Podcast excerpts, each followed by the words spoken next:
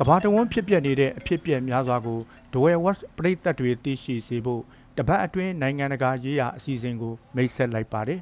ဒီတပတ်နိုင်ငံတကာရေးရာမှာတော့စက်တင်ဘာ24ရက်ကနေ30ရက်နေ့အထိတပတ်တာအတွင်းအဖြစ်ပြက်ချို့ကိုကောင်းနှုတ်ဖော်ပြသွားမှာပါဒီအကြောင်းအရာတွေကိုဒဝဲဝက်ဝိုင်းတော်သားတွေကစီစဉ်တင်ဆက်ထားတာဖြစ်ပါတယ်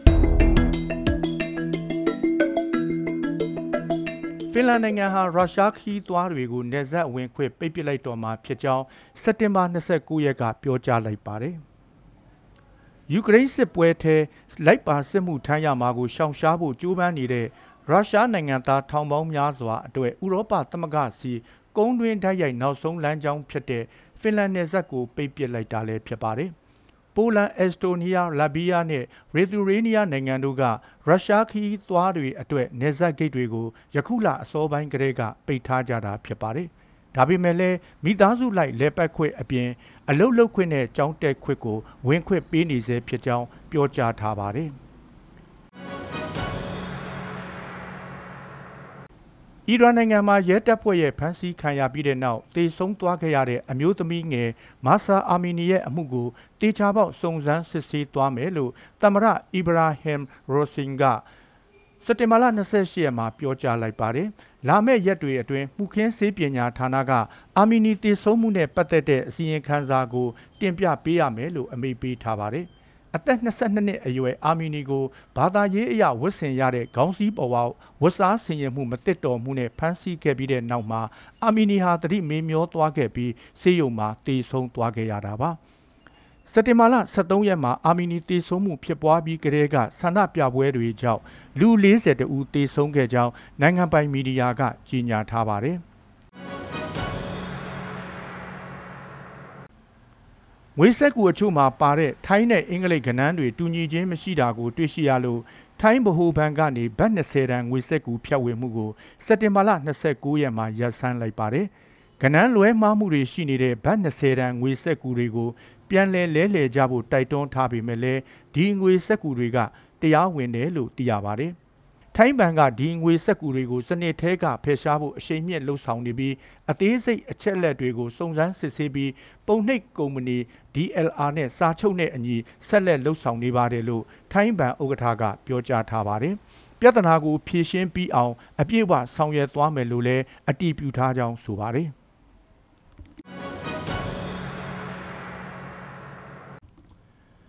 ချက်နိုင်ငံမြို့တော်ပလတ်မှာ အစိုးရရဲ့စွမ်းအင်အကြက်တဲပေါ်လှုပ်ဆောင်ပေးမှုတွေနဲ့ယူကရိန်းကိုလက်နက်တွေထောက်ပံ့ပေးနေတဲ့ NATO အဖွဲ့နဲ့ EU အဖွဲ့ကိုစက်ကျင်ကက်ကွယ်ကြောင်းဆန္ဒပြပွဲကြီးတစ်ခုစက်တင်ဘာလ28ရက်ကပြုလုပ်ခဲ့ပါတယ်။ဒီဆန္ဒပြပွဲကိုကွန်မြူနစ်များအပါအဝင် ပါတီတွေကနေဥဆောင်ခဲ့တာဖြစ်ပြီးမြို့တော် Prague မြို့ One Soul ရင်ပြင်ကလူထုစီဝေးပွဲမှာလူတထောင်နီးပါးလောက်ပါဝင်တက်ရောက်ခဲ့ကြောင်းရဲတပ်ဖွဲ့ကပြောပါတယ်လက်ရှိဖြစ်ပေါ်နေတဲ့စွမ်းအင်အကြက်တဲကိုစီမံခတ်ခွဲဖို့ပြက်ကွက်တယ်လို့ဆွဆွဲခံထားကြပြီးအစိုးရကိုနှုတ်ထွက်ပေးဖို့တောင်းဆိုဆန္ဒပြခဲ့ကြပါတယ်ရုရှားဓာတ်ငွေရောင်းချသူတွေနဲ့တိုက်ရိုက်အဆက်အသွယ်ရှိသူတွေကိုစွမ်းအင်ဈေးနှုန်းလျှော့ချပေးဖို့တောင်းဆိုခဲ့ကြပြီးစစ်ရေးဆိုင်ရာဂျားနေမှုကိုထိမ့်သိမ်းဖို့အတွက်နေတိုးအဖွဲ့ကနေနှုတ်ထွက်ပေးဖို့တောင်းဆိုခဲ့ကြပါတယ်။ ရုရှားနိုင်ငံမှာ9နှစ်ကျော်ခိုးလုံနေတဲ့အမေရိကန်ထောက်လှမ်းရေးဟောင်း Edward Snowden ကိုရုရှားသမ္မတဗလာဒီမာပူတင်ကစက်တင်ဘာလ26ရက်မှာရုရှားနိုင်ငံသားဖြစ်ခွင့်ပေးအပ်လိုက်ပါတယ်။အသက်39နှစ်ရှိစနိုဒင်ဟာသူအလုတ်လုတ်ခဲ့ရာအမေရိကန်အမျိုးသားလုံခြုံရေးအေဂျင်စီ NSA မှပြည်တွင်းနဲ့နိုင်ငံတကာဆိုင်ရာလျှို့ဝှက်စောင့်ကြည့်ထောက်လှမ်းရေးဆောင်ရွက်ချက်တွေကို2023ခုနှစ်မှာထုတ်ဖော်ဖွင့်ကြခဲ့ပြီးနောက်မှာ အမေရိကန်ကနေထွက်ပြေးကရုရှားနိုင်ငံမှာခိုလုံခွင့်တောင်းခံခဲ့ပါတယ်။အမေရိကန်အာဏာပိုင်တွေကတော့သူ့ကိုတရှိုမှုစွဲချက်တွေနဲ့ရာဇဝတ်မှုဆိုင်ရာတရားရုံးမှာရင်ဆိုင်ဖို့အတွက်အမေရိကန်ကိုပြန်ရောက်စီချင်နေတာပါ။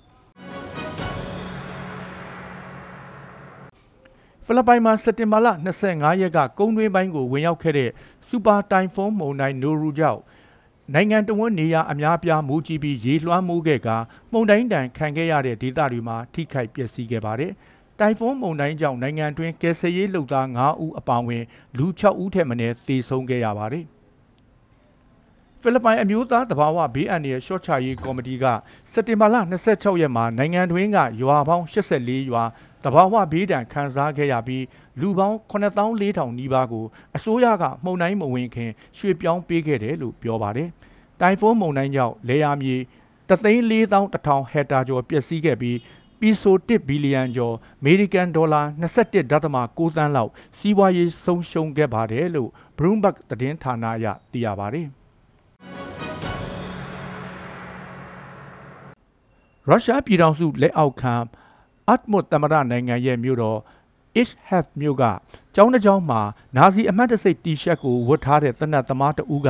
စက်တင်ဘာလ26ရက်မှာပြစ်ခတ်ခဲ့လို့ကလေးငယ်12ဦးအပါအဝင် လူ18ဦးသေဆုံးခဲ့ပါတယ်။ကလေး22ယောက်အပါအဝင် လူ24ဦးဒဏ်ရာရခဲ့ပြီးခွဲစိတ်ဆရာဝန်တွေကနေခွဲစိတ်မှုအတော်များများလုပ်ခဲ့ရတယ်လို့ဒေသဆိုင်ရာအုပ်ချုပ်ရေးမှူးအလက်ဆန်ဒါဘရီချလာဖ်ကပြောပါတယ်။ အာတန်ကာဇတ်ဆပ်လို့အမည်ရတဲ့အသက်30ကျော်အရွယ်တိုက်ခိုက်သူဟာလုံခြုံရေးအစောင့်နှစ်ဦးကိုတပ်ဖြတ်ခဲ့ပြီးတစ်ချိန်ကသူကိုယ်တိုင်တက်ရောက်ခဲ့မှုတဲ့ IHF ရှိအမှတ်88ကျောင်းကကျောင်းသားတွေနဲ့ဆရာတွေကိုပြစ်ခတ်ခဲ့ပါတယ်။ပြစ်ခတ်သူဟာစိတ်ပိုင်းဆိုင်ရာအောင်ရင်ကျော်ကုသရေးဌာနမှမှတ်ပုံတင်ထားသူဖြစ်ပြီးပြစ်ခတ်ပြီးတာနဲ့သူ့ကိုယ်သူပြန်လည်ပြစ်ခတ်ခဲ့တယ်လို့သိရပါတယ်။ ဖိလစ်ပိုင်ဟာငွေကြေးဖောင်းပွားမှုမြင့်မားနေချိန်မှာလောင်စာဆီနဲ့တခြားအဓိကကုန်ပစ္စည်းတွေဝယ်ဖို့ရုရှားနဲ့ဆွေးနွေးနေတယ်လို့ဖိလစ်ပိုင်သမ္မတဖာဒီနန်မာကုစ်ဂျူနီယာကပြောကြားလိုက်ပါတယ်။ရုရှားနဲ့ယူကရိန်းတို့ကြားစစ်ပွဲကြောင့်ဖိလစ်ပိုင်ရဲ့အစားအသောက်ဓာတ်မြေဩဇာနဲ့တခြားပစ္စည်းတွေဈေးနှုန်းမြင့်တက်လာခဲ့ပါတယ်။ သွင်းကုန်တွေအပေါ်မှာမိခိုးနေရတဲ့နိုင်ငံရဲ့ငွေကြေးဖောင်းပွားမှုနှုန်းဟာ၄နှစ်တာကာလအတွင်းဇူလိုင်လမှာ6.400ခိုင်နှုန်းမြင့်လာပြီးဩဂုတ်လမှာတော့6.300ခိုင်နှုန်းကိုရော့ကျသွားခဲ့တယ်လို့ဖိလစ်ပိုင်စီးရင်အင်းအာဏာပိုင်အဖွဲ့ PSA ကအစီရင်ခံစာထုတ်ပြန်ခဲ့ပါတယ်။ ရုရှားပေါ်အမေရိကန်ဥဆောင်တဲ့ဒဏ်ခတ်ပိတ်ဆို့မှုတွေနဲ့ပတ်သက်ပြီးမေးမြန်းတဲ့အခါမှာတော့ဒဏ်ခတ်မှုရဲ့နိုင်ငံရေးဘက်မှာလှည့်ကွက်အနှဲငယ်ဖြစ်ခဲ့ပေမဲ့ဘလို့ပဲဖြစ်ဖြစ်အမျိုးသားအကျိုးစီးပွားကပထမဦးစားပေးပဲလို့သမ္မတကပြောပါတယ်ဆွီဒင်လူမျိုးဓာတ်ပုံဆရာ Alice Dobson ကဒိမတ်နိုင်ငံ Greenland ရှိဝေလာငါးတင်းချိုင်းတစ်ခုရဲ့ခြောက်ချားပွေရာဓာတ်ပုံနဲ့ Scuba Diving ရဲ့2022ခုနှစ် ရေအောက်ဓာတ်ပုံပြိုင်ပွဲမှာပထမဆုရရှိခဲ့ပါတယ်။သူရိုက်ကူးခဲ့တဲ့ဝေလာငါးတင်းချိုင်းဓာတ်ပုံအနှဲငယ်ကို Twitter အကောင့်မှာတင်ပေးခဲ့ပါတယ်။မြင်ကွင်းကျယ်အမျိုးအစားအတွက်ကျွန်တော်ရဲ့ပုံကို2022ခုနှစ်ရဲ့ဓာတ်ပုံဆုရှင်အဖြစ် Scuba Diving Magazine ကရွေးချယ်ခဲ့တဲ့အတွက်အလွန်ဂုဏ်ယူမိပါတယ်။အခြားဓာတ်ပုံကလည်းဂုဏ်ပြုမှတ်တမ်းလွှာနဲ့ချီးမြှင့်ခံရပါတယ်။ပထမဆုအတွက်အရန်ကျေးဇူးတင်ရှိပါတယ်ဆိုတဲ့စာသားကိုလည်းရေးသားခဲ့ပါတယ်။ ပုံမှန်ဆိုရင်ဝေလငါးအယိုးတွေမြင်ချင်းရင်ရေအောက်တင်းမောတစ်စင်းလိုပါတယ်။ဒါပေမဲ့ Greenland မှာတော့ရေမျက်နှာပြင်အောက်ပေ15ဘီပေ20အကွာလောက်မှာပဲဝေလငါးအယိုးတွေရှိတဲ့အတွက်ရေငုပ်တင်းပေါ်မလိုအပ်ဘူးလို့ Dobson ကဆိုခဲ့ပါတယ်။ NASA မှလွှတ်တင်ထားတဲ့ Dava Asteroid Redirection Test DART အာကာသယာဉ်က Diamond Fits အမည်ရှိတဲ့ဂျိုပက်ကိုစက်တင်ဘာလ26ရက်မှာမူလရည်မှန်းချက်တိုင်းအောင်မြင်စွာဖျက်ဆီးနိုင်ခဲ့တယ်လို့သိရပါတယ်။အဲ့ဒီအာကာသယာဉ်လွှတ်တင်ထားခြင်းရဲ့ရည်ရွယ်ချက်ကလည်းကဘာကိုဝင်ရောက်တိုက်မိနိုင်တဲ့ဥက္ကာပြန်တွေဂျိုပက်တွေလမ်းလွှဲစမ်းသပ်ဖို့ဖြစ်တယ်လို့ဆိုပါတယ်။အခုလမ်းလွှဲနိုင်ခဲ့တဲ့ Diamond Fish ဂျိုပက်ဟာအချင်းပေ925မြတာရှိကအာကာသထဲမှာလွင်မျောနေတဲ့တင်းငယ်တဲ့ကြောက်တုံးသာဖြစ်ပြီးကဘာကနေကီလိုမီတာ17တန်းကျော်အဝေးမှာလှည့်ပတ်နေတာဖြစ်ပါတယ်။အခုစမ်းသပ်မှုကကဘာမှာပထမဆုံးအကြိမ်အောင်မြင်စွာစမ်းသပ်နိုင်ခြင်းလည်းဖြစ်ပါတယ်။ပရိသတ်အပေါင်းတို့စေရောကိုပါကျမ်းမာချမ်းသာကြပါစေကြောင်းနဲ့ ကပ်ဘေးအမျိုးမျိုးကနေအ мян ဆုံးလွတ်မြောက်ကြပါစေကြောင်းဒဝဲဝက်ဝိုင်းတော်သားတွေကစုမုံကောင်းတောင်းအပ်ပါတယ်။နောက်အပတ်မှာလည်းနိုင်ငံတကာရေးရာအစီအစဉ်ကိုစောင့်မျှော်အားပေးကြပါအောင်ခင်ဗျာ။